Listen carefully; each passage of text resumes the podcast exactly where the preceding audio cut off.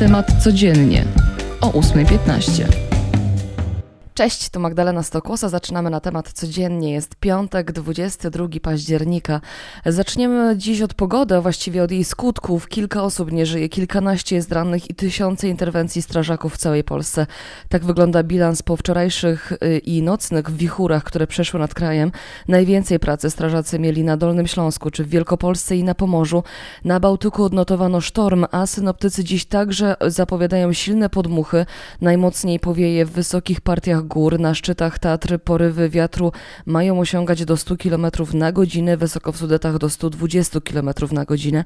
Od jutra wiatr ma być już na szczęście umiarkowany. Przenosimy się do Neapolu. Legia Warszawa przegrała wczoraj we Włoszech 3 do 0 w trzeciej kolejce Ligi Europy i to był prawdziwy popis Napoli. Zespół atakował przez całe spotkanie, zaś wojskowi mieli problem z oddaniem celnego strzału na bramkę. Pozostają jednak liderami w swojej grupie. Dla Napoli była to pierwsza wygrana w tych rozgrywkach i miejmy nadzieję, że rewanżowe spotkanie przy Łazienkowskiej będzie na korzyść jednak polskiej drużyny. Ten mecz już 4 listopada.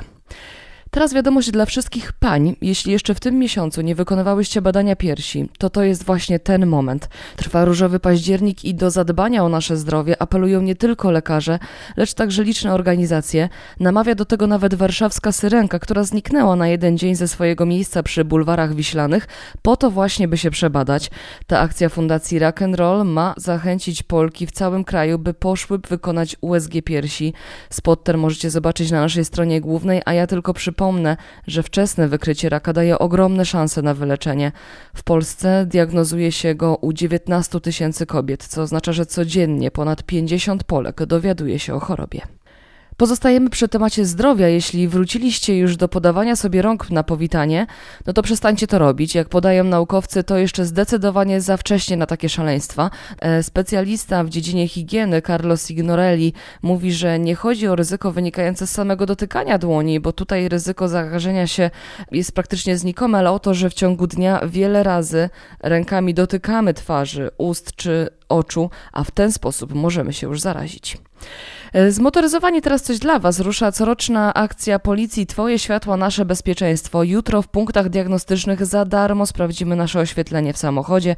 Lista tych stacji diagnostycznych, gdzie będzie można wykonać badania, e, będzie na stronie Komendy Głównej Policji, a kolejne odsłony akcji zaplanowano też w listopadzie oraz w grudniu to jak już przy stacjach jesteśmy, odwiedźmy te paliw, bo tam coraz sympatyczniej, e, a będzie jeszcze lepiej, bo jak podają analitycy z epetrol.pl, z każdym tygodniem spodziewane są wyższe ceny paliw.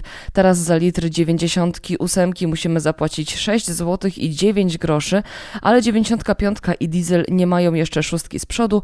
Za autogaz płacimy średnio 3 zł i 16 groszy. Co ciekawe, z raportu wynika, że e, najtaniej tankujemy w Wielkopolsce, najdrożej jest na Podlasiu.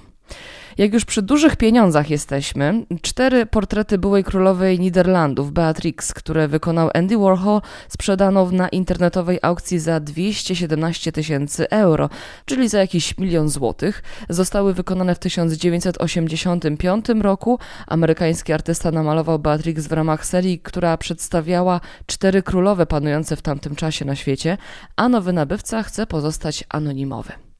Na koniec jeszcze dzisiaj kino i jedna z najbardziej wyczekiwanych premier tej jesieni, Duna, to ekranizacja słynnej powieści science fiction Franka Herberta.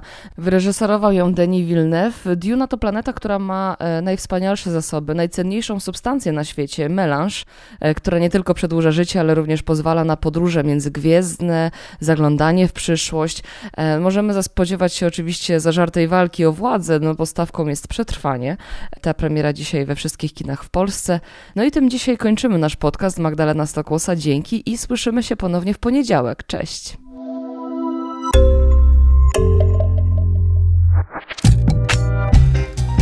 Na temat codziennie o 8.15.